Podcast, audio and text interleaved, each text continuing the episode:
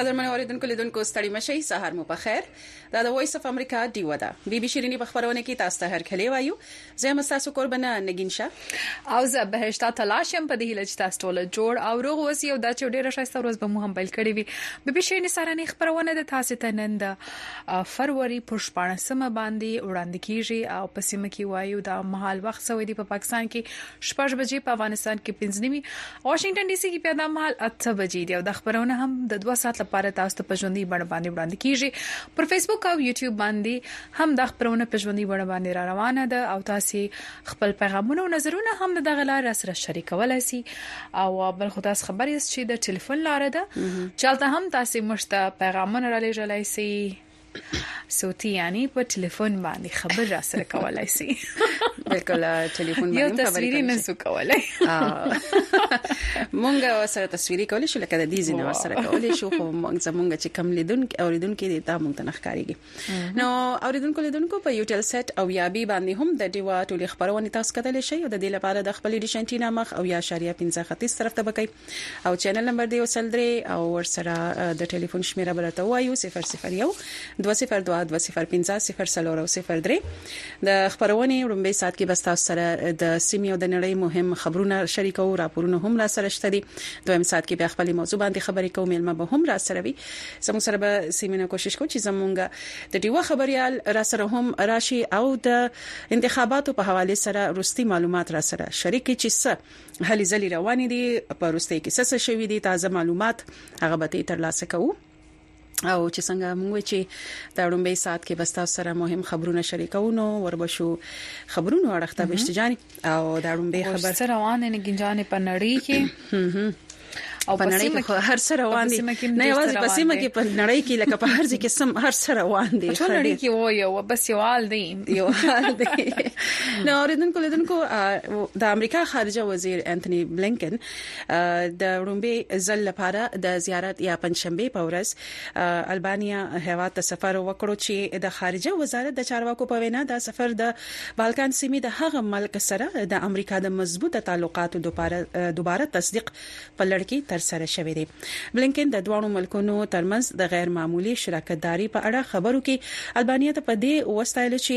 د اوکراین د خودمختارۍ ساتلو په هکله یې څه دریځ غوره کړي. همدا راز په دوه زره درویشت کې یې چې د ملګرو ملتونو د سیکیورټي کونسل په مشرۍ کې سکیردار ادا کړی و، هغه البانیا په مغربي بالکان کې د استحکام یو اهم شریک او د اوکراین د خودمختارۍ او علاقايي سالمیت په ملاتړ کې یو کلک اتحادي وبللو. او دغه شان د البانیا په سرخار تیرانه کې د امریکا د خارجه وزیر انټونی بلینکن تود هرکلی وشو او په غټو ودانو د بلینکن پوسټرې لګیدلې وي بلینکن په تیرانه کې د البانیا د وزیر اعظم اډی راما او د صدر بیرام بیګاج او نورو چارواکو سره ملاقاتونه وکړل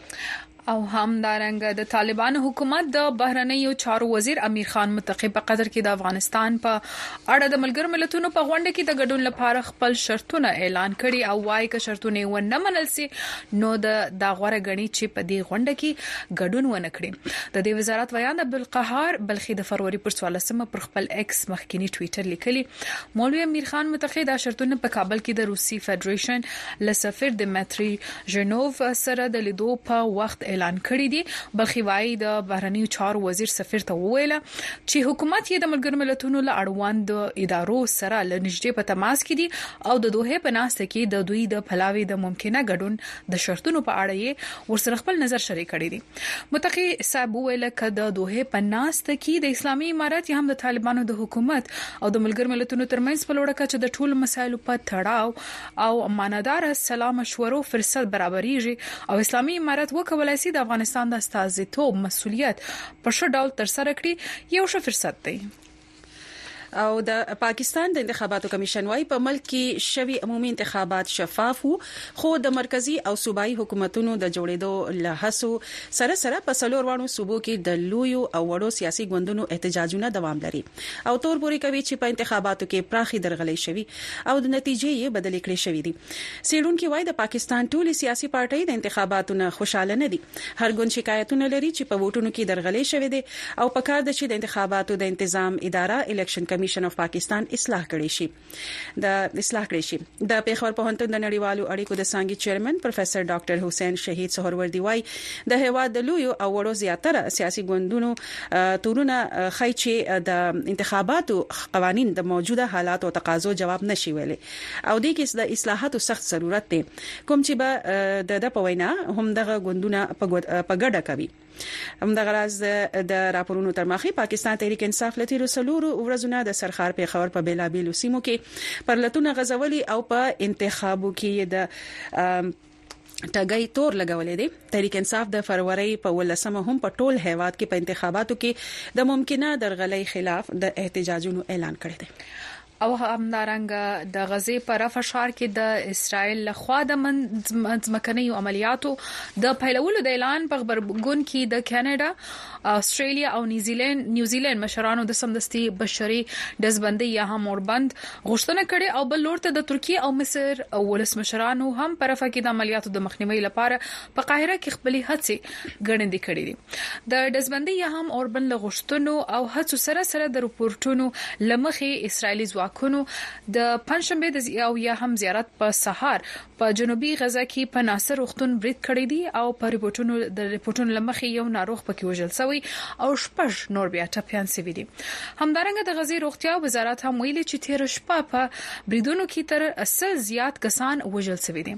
د کاناډا، استرالیا او نیوزیلنډ وزیراعظمانو د پنځشنبه یهم زیارت په ورځ په یو ګډ بیان کې ویلي چې سمدستي بشري دزبندۍ یا هم اوربند ته په بیړنۍ توګه اړتیا ده او دی نور هم زیاته کړې ده چې موږ په دې ژوره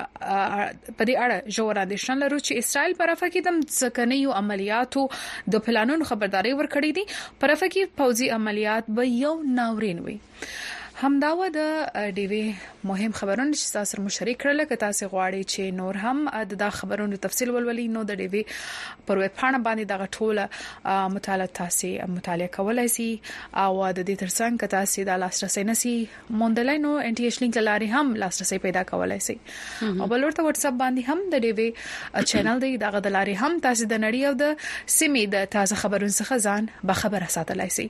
را بسو او ویډیوي راپورو ته هم او ورسره دا چې د غواړو چې ویډیو راپورونه ته به هم ورزو او زموږ اوریدونکو لیدونکو ډیر لیواله دي چې د ته چې د سیمه کې روان دي انتخابات نوروسته په پاکستان کې نو کوشش وکاو چې د خپل د ټیوا همکار فضل عزیز سره خبري وکړو فضل عزیز صاحب را سره مل سوي دي نګینجاني د کراچي څخه تاسو هر کله وایو تاسو شراغلاست وایو په خیر سره مشه مننه مهرباني نگین شاه او بهشته تاسو دوه ته په خیر ډیره مننه کوم او ډیره مننه تاسو ته سهار په خیر وای چې په دې خبرونه کې را سره سار وخت را پاسې دلی است په دې خبرونه کې را سره ګډون کوي مننه کوم دا همیشه بشه او سره خبر شوی ما موسم حالات می قتل په کراچۍ ته چې دینو تیز بادونه در روان دي تیزی سلای هو کراچۍ ته بادونه خو روان دي تر اوسه خو لا خیر دی کله کله پکې نری نری ساس کې وشي نو نو خو موسم دلته ډېر خوندور دی نو دا تیز بادونه او تیز سیلۍ چې دي دا خو د روانې دي د مهال په پاکستان کې د انتخاباتو نه وروسته هم د سیاست په نړۍ کې هم تیز بادونه او تیز سیلۍ دي کنه هر طرف ته چې دینو هر څه اوړي راوړي نو تر دې دمه مهم پکې څه مخې ته راغلي دي کدار سره شریک کړئ تر دې دمه د پاکستان په سیاست کې مهم دوه درې غټ خبرونه دي په پاکستان کې چې په اتمه فروری کوم انتخابات شوي دي دا غي ورسته هر ورځ نوې نوې بدلون کې راځي په دغه بدلونونو کې یو خو دا دی چې پاکستان تحریک انصاف ګوند او د مولانا فضل الرحمن صاحب جمعیت علماء اسلام ګوند چې په تیر وخت کې د په یو ول سخت مخالف پاتې شوې دي پاکستان تحریک انصاف ګوند او جمعیت علماء اسلام ګوند دا دواړه ګوندونو د یو بل سره د مشرانو لیدلې دي د پاکستان تحریک انصاف ګوند په خوانی سپیکر او د قومي اسمبلی غړي اسد قیصر په مشرۍ باندې یو وفد یا پلاوي د مولانا فضل الرحمن سره لیدو لور غلي دي د دې ملاقات شوې دي په انتخاباتو باندې خبرې کړې دي مولانا فضل الرحمن صاحب او دغه سره دغه د پارټي ځینې مشرانو او اسد قیصر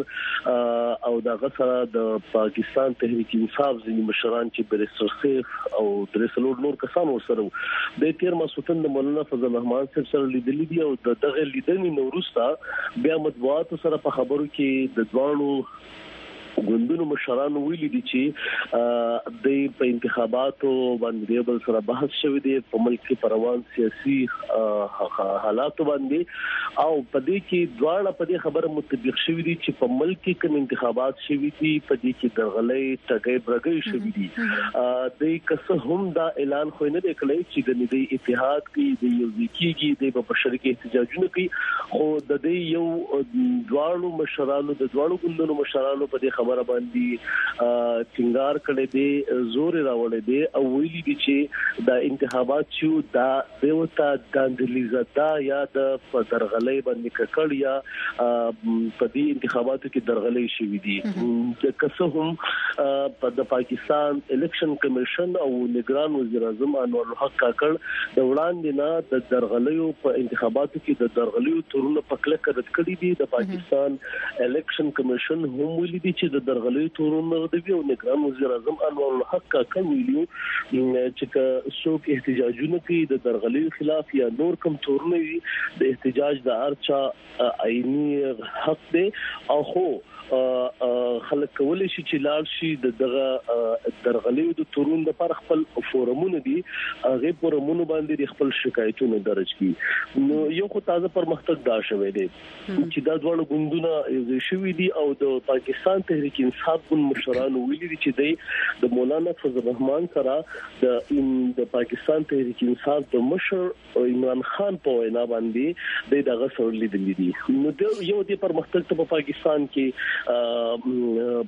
په بل نظر کتل کیږي چې دا مخالف او سیاسي ګوندونو د ښکار مخالفت به کوي د یو بل دا راوځي شو تحریک انصاف ګوند نه واز دا ویل دي بلکې د هم ویل دي چې عمران خان ورته د پاکستان پیپلز پارټۍ د پاکستان مسلم لیګ نون او متحده قومي مومن نه علاوه د نورو ټولو ګوندونو سره د رابطو کول ویلي دي دا رابطې به څنګه کیږي د بده عوامي نشل ګوند د بده جماعت اسلامي د بده بلوچستان صوبه کې د نورو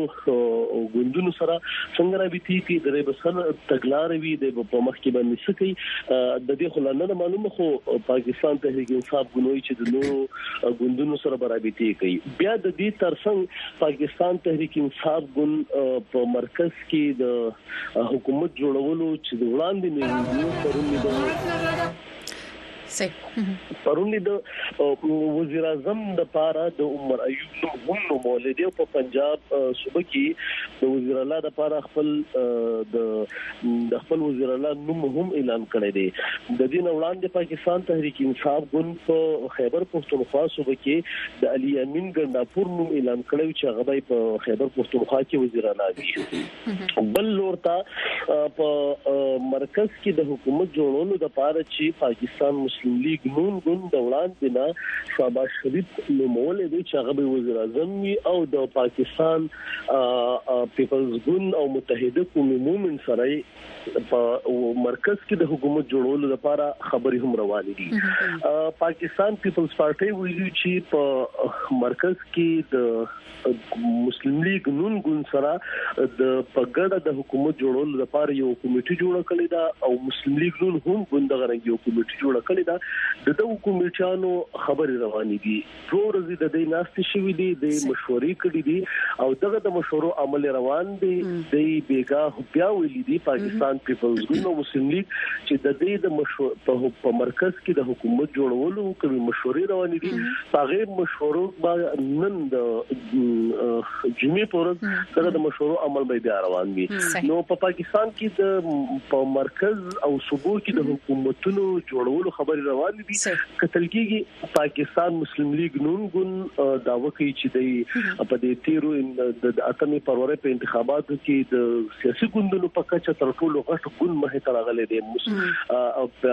مسلم لیګ نون ګوند پاکستان پیپلز پارټي او تحریک انصاف ګوند په خپل خپل ځای ټول دا وکړي چې په مرکز کې په پنجاب چې د پاکستان غټو صوبره باغې کې به د حکومتونو جوړي اوس په کتل کېږي چې حکومت په مرکز کې څوک جوړي په پنجاب صوبې کې څوک جوړي صحیح ام فصل عزیز صاحب دا هم راته وایي چې دا خلکو سره به هم تاسو خبرې کړي عام ولس یادو خلک په دا وسنی حالاتو باندې څه نظر لري څه وایي څه ستونزې لري یا هم دغه چې احتجاجونه روان دي یا هم وسنګ د چې سیاسي ګوندونه د یو بل سره یا ناستي کوي یا بل د دې په حق لباندې یو عام سړی یا دام وګړي څه نظر دی بهشته په پاکستان کې د کوم انتخابات چې وشو د دې انتخاباتو وروسته چې کوم حال روان دی یا کوم نوي نوي پرمختګونه هر ورځ مخې ته راځي لکه په دې کې زه تاسو ته عام خلکو خبره کوم یو نوې خبر پکې تاسو سره شریک کما د دیوالي دونکو اوریدونکو سره مولانا فضل الرحمن صاحب چې د پی ډی ایم تحریک کوم چې د عمران خان حکومت د عدم اعتماد د تحریک د لارې لري کړو د پی ډی ایم تحریک مشري مولانا فضل الرحمن صاحب کوله په دغه پی ډی ایم تحریک کې پاکستان مسلم لیګ نون او د نورو ګوندونو ترڅنګ په اول سر کې پاکستان پیپلز ګوند هم شاملو چې وروسته بیا د دغه اتحاد نو وتل خو په حکومت کې شاملو مولانا فضل الرحمن صاحب تیر شپه د په پاکستان کې د سما ټي وي سره یو مرکه کړې ده پای مرکه کې داوا کړې ده چې د پاکستان د پخوانی پوزي مشر جنرال باجوا او د پاکستان د استخباراتو پخوانی مشر چې په پیښور کې کور کمانډر هم وو جنرال فیض حمید مولانا فضل الرحمن وی د جنرال باجوا او جنرال فیض حمید په وینا د عمران خان حکومت لري کړي وو یو خدای نوې پرمختګ راغلی پاکستان کې په مطبوعاتو باندې په دې باندې تاوده بحثونه روان دي چې دا یو نوې پرمختګ راغلی دی مولانا فضل الرحمن صاحب نوې خبري زړې خبري راسپړلې دي په دې باندې بحثونه تاوده شوي دي دویم په پاکستان کې عام خلک اوس دی خبرې ته حیران دی لکه دا دا کوم انتخابات چې وشو د دې انتخاباتو نه وړاندې ځینی وړاندوینې یا پښنګویانې بکیدلې چې په مرکز کې بسو راځي پلانې ګون په پلانې ځای کې دومره چوکۍ علي پلانې ګون دومره زیات خلک دی وسره دغه اکثریت دی دغه د مشهورتیا دغه د قبلېدو دغه د پلویانو ګراف دومره زیات دي دومره کم دي دا به اندازي یا اټکلونه کېدل خو کوم انتخابات چې وشو کوم نتیجې چې مخې ته رااله هغه د اټکلونو د غو اندازو نه به بدلوي اوس خلک په دې سیز په حیران دي چې د وړاندې کې وړاندوینې کېدي نه خو هغه هغه شانتي مخې ته رالي او نه چې اوس کوم حکومتونه جوړيږي په دې حکومتونو باندې خلک پریشان دي چې حکومت به چا جوړيږي په مرکز کې به چا حکومت وي په صوبو کې به چا حکومت وي ځکه چې یو اړخ ته انتخابات شو په ملک کې د سیاسي ثبات او د اقتصادي ثبات خبرې کېدي خو بل اړخ ته په پاکستان کې عام خلک او په خصوصي توګه زما په خپل د ځینی سیاسي چارو کارپوهانو چړونکو سره خبرې وشو نو هغه چې اوس دا به انتخابات جمهوری عملو د ملک کې د جمهوریت لپاره د یو ښه عملو خو د انتخابات وروسته په ملک کې ښکاري چې سیاسي بې ثباتی به سیوا کیږي اړې غړې به جوړیږي او کچرته په ملک کې سیاسي بې ثباتی وي سیاسي اړې غړې وي نو اقتصادي ثبات نشي راتلی خلک د یو عجيبه کیفیت سره مخ دي تیریږي په پاکستان کې نو ترڅو چې د حکومت نه جوړ شوی دغه پورې به دا سیاسي بي ثباتي سیاسي د اقتصادي ثبات نه لیدل کیږي ځکه چې په پاکستان کې د خلکو یو بل نظر هم جوړیږي چې انتخاباتو شو په کار د چې سیاسي ثبات راغلی وي نو خو په انتخاباتو باندې په پاکستان کې د پاکستان مسلم لیګ نون او پاکستان پیپلز ګوند او پاکستان پاکستان او په متحده قومونو پاکستان نه علاوه په ښکارا نور ټول سیاسي ګوندونه په دې انتخاباتو باندې د درغلي تورونه لګوي پاکستان تحریک انصاف ګوند چې غټ ګوند د پاکستان ګرځیدل دي د پاکستان تحریک انصاف د مشر عمران خان ګڼ پلویان دي پاکستان تحریک انصاف ګوند هم ته د انتخاباتو نورستو لومبي غږی دا کړی دی چې د دې سره درغلی شوې ده ټګي ټوري شوې ده د دې چې څومره څوکۍ ملاوي دي هغه وطن نه تر لاسه شوی هغه وطن نه ملاوي شوی په پښتون خیبر پښتونخوا کې عوامي نشل ګوند جمعیت الما اسلام ګوند د جماعت اسلامي ګوند د پخکار باندې د قومي وطن پارټي مشر عبدالف شیرفاو د پخکارو چې د سره درغلي شوې ده ټګي ټوري شوې ده د پاکستان بلوچستان صوبه چې الته د پښتونخوا ملي عامه ګوند مشر محمود خان چکزي د بلوچستان کوم لټپال ګوندونه دي بلوچ اغا او هزاره دیموکراټیک ګوند پښتونخوا نېشنل پارټي چې د خوشحال خان په مشرۍ ده الته په بلوچستان صوبه کې مې احتجاجونه روان دي په سین صوبه کې د مولانا فضل الرحمن احتجاجونه روان دي په سین صوبه کې د نېشنل د جی ډي اي یا د ګریډ ډیموکراټک الاینس په نوم باندې یو اتحاد جوړ شو دا غو احتجاجونه روان دي مولانا فضل الرحمن څخه پر احتجاج کړی دی دا غون نن ګرینډ ډیموکراټک الاینس احتجاج کړی اعلان کړی دی مولانا فضل الرحمن سي د سین صوبې په بلابل برخو کې د سړکونو بندول ویل دي په بلوچستان صوبې کې د احتجاجونه روان دي په خیبر پښتونخوا کې پاکستان تحریک انصاف ګون سبا د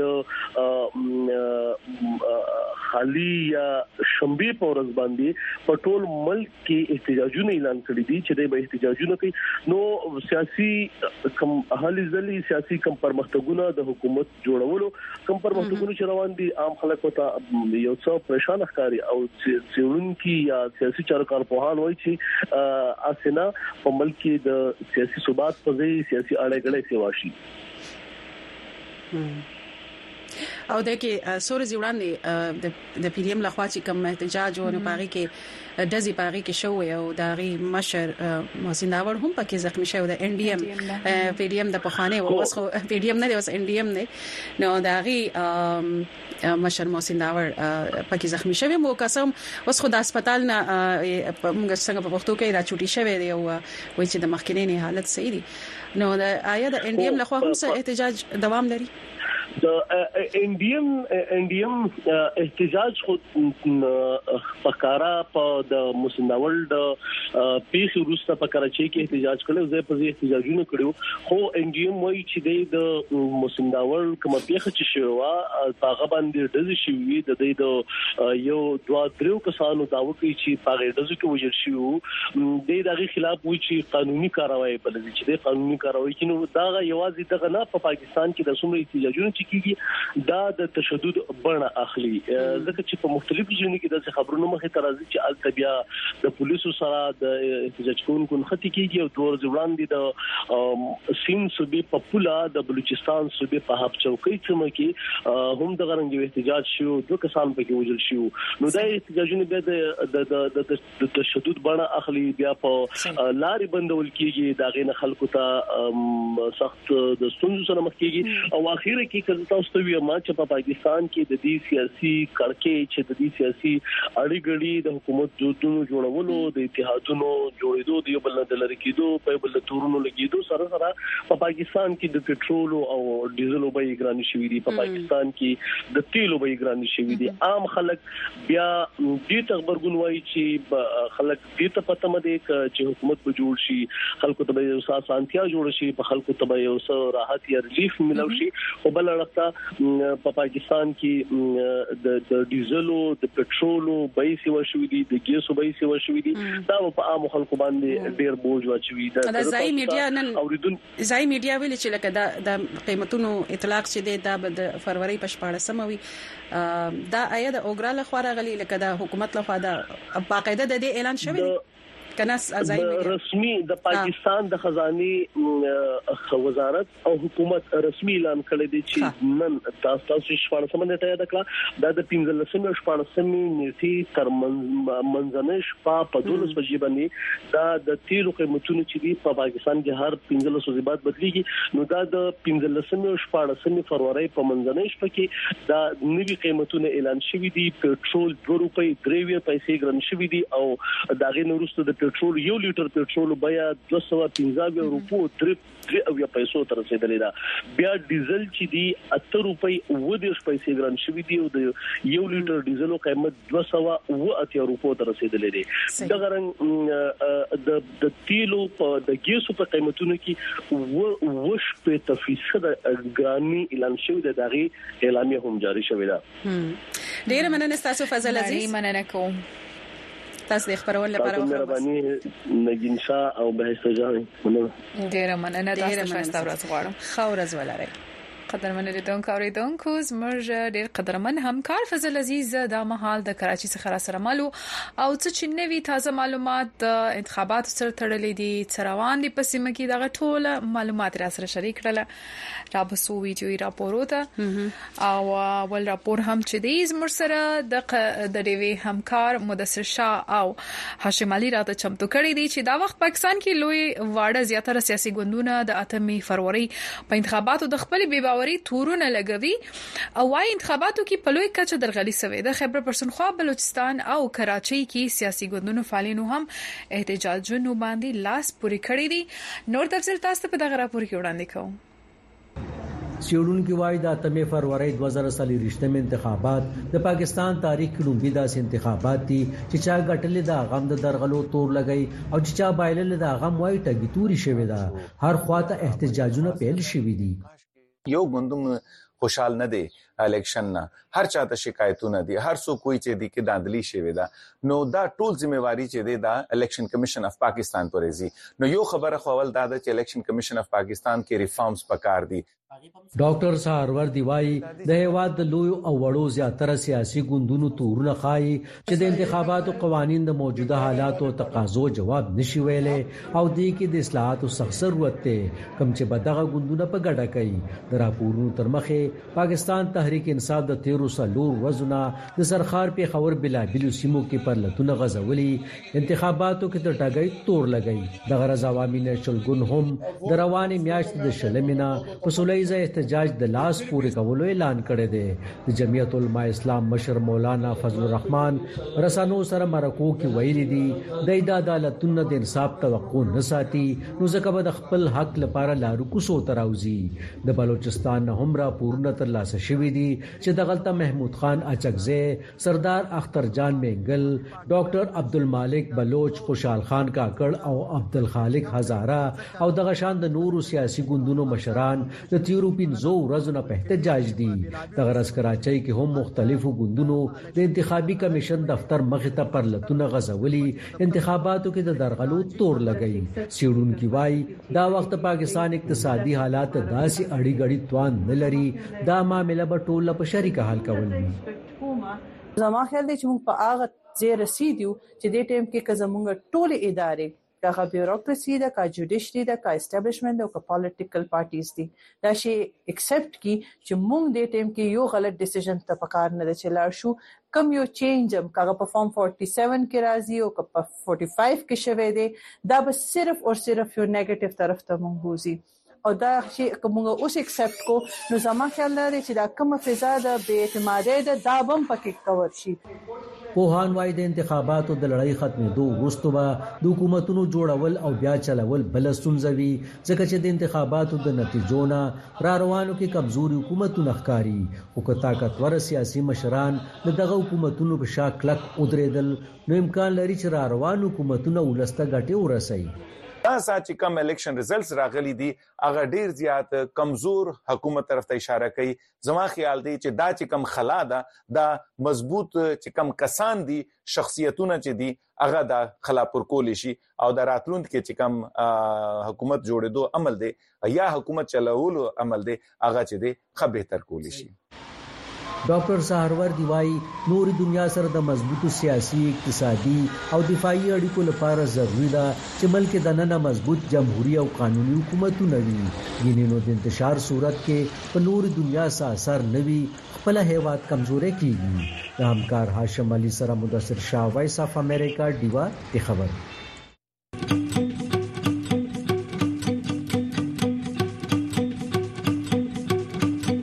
وی او ډیوا په سټلایټ ټي وي هر ورځ سلویریش ساته په دیشنټینا تاسو په یو ټل سټلایټ په ټي وي تازه تولا او به طرفه خبرونه بحثونه او سیړنی کتلې او اوریدلې شي د یو ټل سټلایټ فریکوئنسي یا سبې او یا بي او یا اشاریه 15 ایست چینل یو سل درې هر ورځ سلویری ساته لډي وسره اوسئ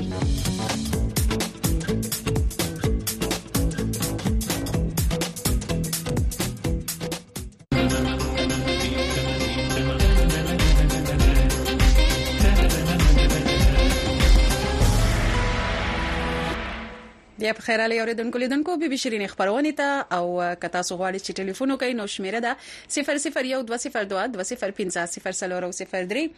او تر څو چې تاسو ټلیفون راځي نو را بش پیغامونه ورخته براسو محمد شفیق وزیر صاحب سلامونه د متحده عرب امارات نه راستولې نو علیکم سلام اسمت خان وای چې هاي نو هاي های های های های